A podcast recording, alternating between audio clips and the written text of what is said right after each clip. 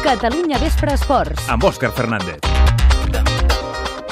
No deixem el món del motor perquè a partir d'avui, cada dimecres, al Catalunya Vespre Esports, volem explicar-vos l'altra cara de l'esport, aquella cara que habitualment no apareix als mitjans de comunicació. Una mica la cara que veiem els periodistes, que, per exemple, se n'encarreguen tots els organitzadors de grans esdeveniments, de partits, de diferents esdeveniments esportius, però que no us arriba a vosaltres. Per exemple, i perquè veieu amb un exemple, avui la Marta Garcia ens explica com s'organitza un rally del Mundial, com el Rally Catalunya, que aquest passat cap de setmana hem tingut a les carreteres catalanes. 7 i 2, 7 mesos abans i 2 mesos després, i això que la competició només dura 3 dies.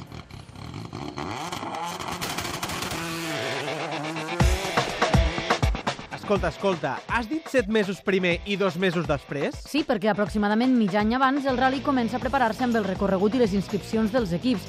Equips de tot tipus. Qui s'encarrega de guiar-los en els seus dubtes és Marina Dunyac. Uns són professionals, uns altres no, i les preguntes són molt diferents i evidentment tenim equips de marques de 60 persones que ho tenen tot molt clar i són molt exigents i tens equips que a vegades són el pilot, el copilot amb tres o quatre mecànics que tenen dubtes de tot. El primer que cal és coordinar les dates del rally amb els pobles i zones implicades dins el recorregut i així entren factors tan variats com, per exemple, l'agricultura.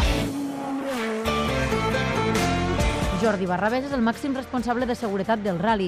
La FIA ordena totes les normes, quilometratges, amplària de les carreteres, tot, tot està regulat. Eh, amb un sol tram cronometrat, eh, per posar un exemple, podem tenir només de persones de seguretat amb 16 quilòmetres, igual tenim 100 persones de seguretat que només es limiten a dir a la gent que s'ha de posar bé. Després, si contem doncs, els equips sanitaris, els equips de cronometratge, tot plegat, doncs eh, estem, estem al voltant amb un sol tram. A vegades diem que ja hi ha només nostres unes 300 persones. Això no ho entenc. És fàcil controlar que la gent compleixi les normes o no? Al ser una competició a camp obert no és fàcil, i així és on entren amb molta importància els cotxes triple zero, doble zero i el cotxe zero. I què és això? Doncs mira, són cotxes que passen pels trams abans que ho facin els pilots per controlar que el públic no faça de les seues i complisca les ordres. El Jordi Parro és un dels integrants del primer cotxe, el 000. Nosaltres passem per tots els trams i la nostra feina és anar mirant la posició dels espectadors, que estiguin en llocs segurs, i si veiem algú que, que no està ben situat, doncs nosaltres ens parem fins i tot a través de la megafonia els donem indicacions per que es situïn en llocs més segurs, en llocs elevats, lluny de la carretera. Aviam, aviam, aviam. Però què passa si tot i això hi ha algun accident? Sí, sí, ara t'ho anava a explicar. Així entren en joc els serveis mèdics. També és la FIA qui posa les normes mínimes respecte a això. Les intervencions han de ser ràpides i efectives. La doctora Ornaque n'és la màxima responsable. Tu has d'estabilitzar i evacuar en el mínim temps possible. I això es fa amb uns cotxes d'atenció ràpida, on porten material mèdic de, com el mateix que d'un UBI mòbil, perquè ens entenem. Aquí va un metge, una infermer o infermera i un piloto. Saps què passa si els cotxes mèdics no poden accedir als terrenys on hi ha els accidentats? No? Què passa? Doncs que aleshores entren en acció els helicòpters, que també estan preparats per fer l'evacuació o intervindre fins i tot si és necessari. I és que unes 120 persones formen part del servei mèdic del Rally Catalunya. El sistema d'avís d'accidents també és curiós. Saps com funciona? Ara m'has enxampat, no en tinc ni idea. Quan espera un cotxe, tenim dos alertes.